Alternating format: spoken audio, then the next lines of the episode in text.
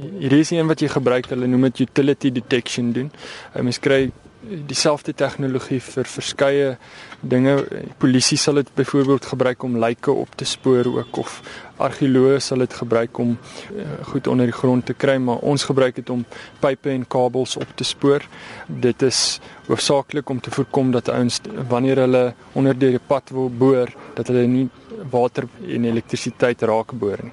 So dis wat ons hier doen. Hierdie masjien stoot jy oor die grond soos jy sê soos 'n grassnyer, maar al wat hy doen is hy stuur 'n elektromagnetiese radarsein in die grond in. Dan gee hy vir jou terugvoer en daai data gebruik ons om te bepaal hoe diep en waar die kabels en pipe lê. Tot op watter diepte kan dit pipe en ander soorte kabels optel? Uh, dit hang baie af van die grondkondisies. So as die grond baie nat is, enigiets wat elektries konduktief is, uh, beïnvloed jou sein. So as die grond baie nat is, dan gaan hy nie diep kan gaan nie want die, die nattigheid absorbeer jou elektromagnetiese sein. Maar in normale Johannesburg toestande sê ek maar gewoonlik is 'n veilige diepte so 2 na 2.5 meter. En hy kan tot selfs 30 meter gaan. Dit hang af ook van jou frekwensie van die sein wat jy gebruik.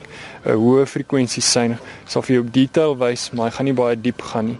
En 'n lae frekwensie sal diep gaan, maar hy gaan nie vir jou soveel detail wys nie. So kan 'n mens ook so toerusting gebruik by jou privaat eiendom wanneer 'n mens dalk 'n swembad wil hê? Ja, mens kan verseker by 'n skool het ek 'n boorgat opgespoor.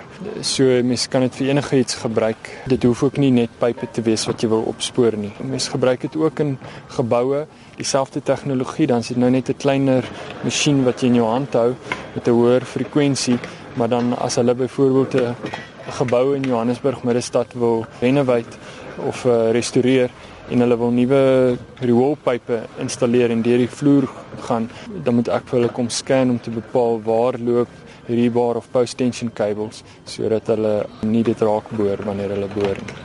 Hoeveel data kan hierdie masjien stoor en van die data laai hulle dit dan af en versamel julle dan 'n verslag daarvan? Die masjien kan byvoorbeeld die hele Melville kan scan en al die inligting daarso stoor uit 'n groot geheue, maar ons doen dit op 'n ander manier. Wat ons doen is ons scan en ons merk dit op die grond en dan het ek 'n tekening wat ek met die hand teken en ons skryf al die inligting op die tekening neer. So as ek sien 'n punt is 800 mm diep of 'n pyp of wat ook al dan skryf ek op my tekening dat hy 800 mm diep is. Dan kom ek later met 'n wat hulle noem 'n total station en ons vang die posisies vas waar ek dit opgetel het. Hy save dit in sy geheue en dit vat ek terug kantoor toe en ek teken dit op AutoCAD oor. So al, al daai posisies word dan op 'n presiese tekening van hierdie area waarin ons werk gesit. So hoekom hierdie masjien gebruik in plaas van planne of so kry by die munisipaliteit? Veral in Johannesburg is daar baie ou areas en hier loop pipe en kabels wat baie ouer as ek self is onder die grond. So die planne is nie opgedateer nie. So dis hoekom hulle dit doen en ja, dis 'n baie boomryke area. So normale gevalle as jy 'n nuwe woonbuurt bou, sal mens met jou elektriese kabel presies 1 meter sê maar van die muur af hou.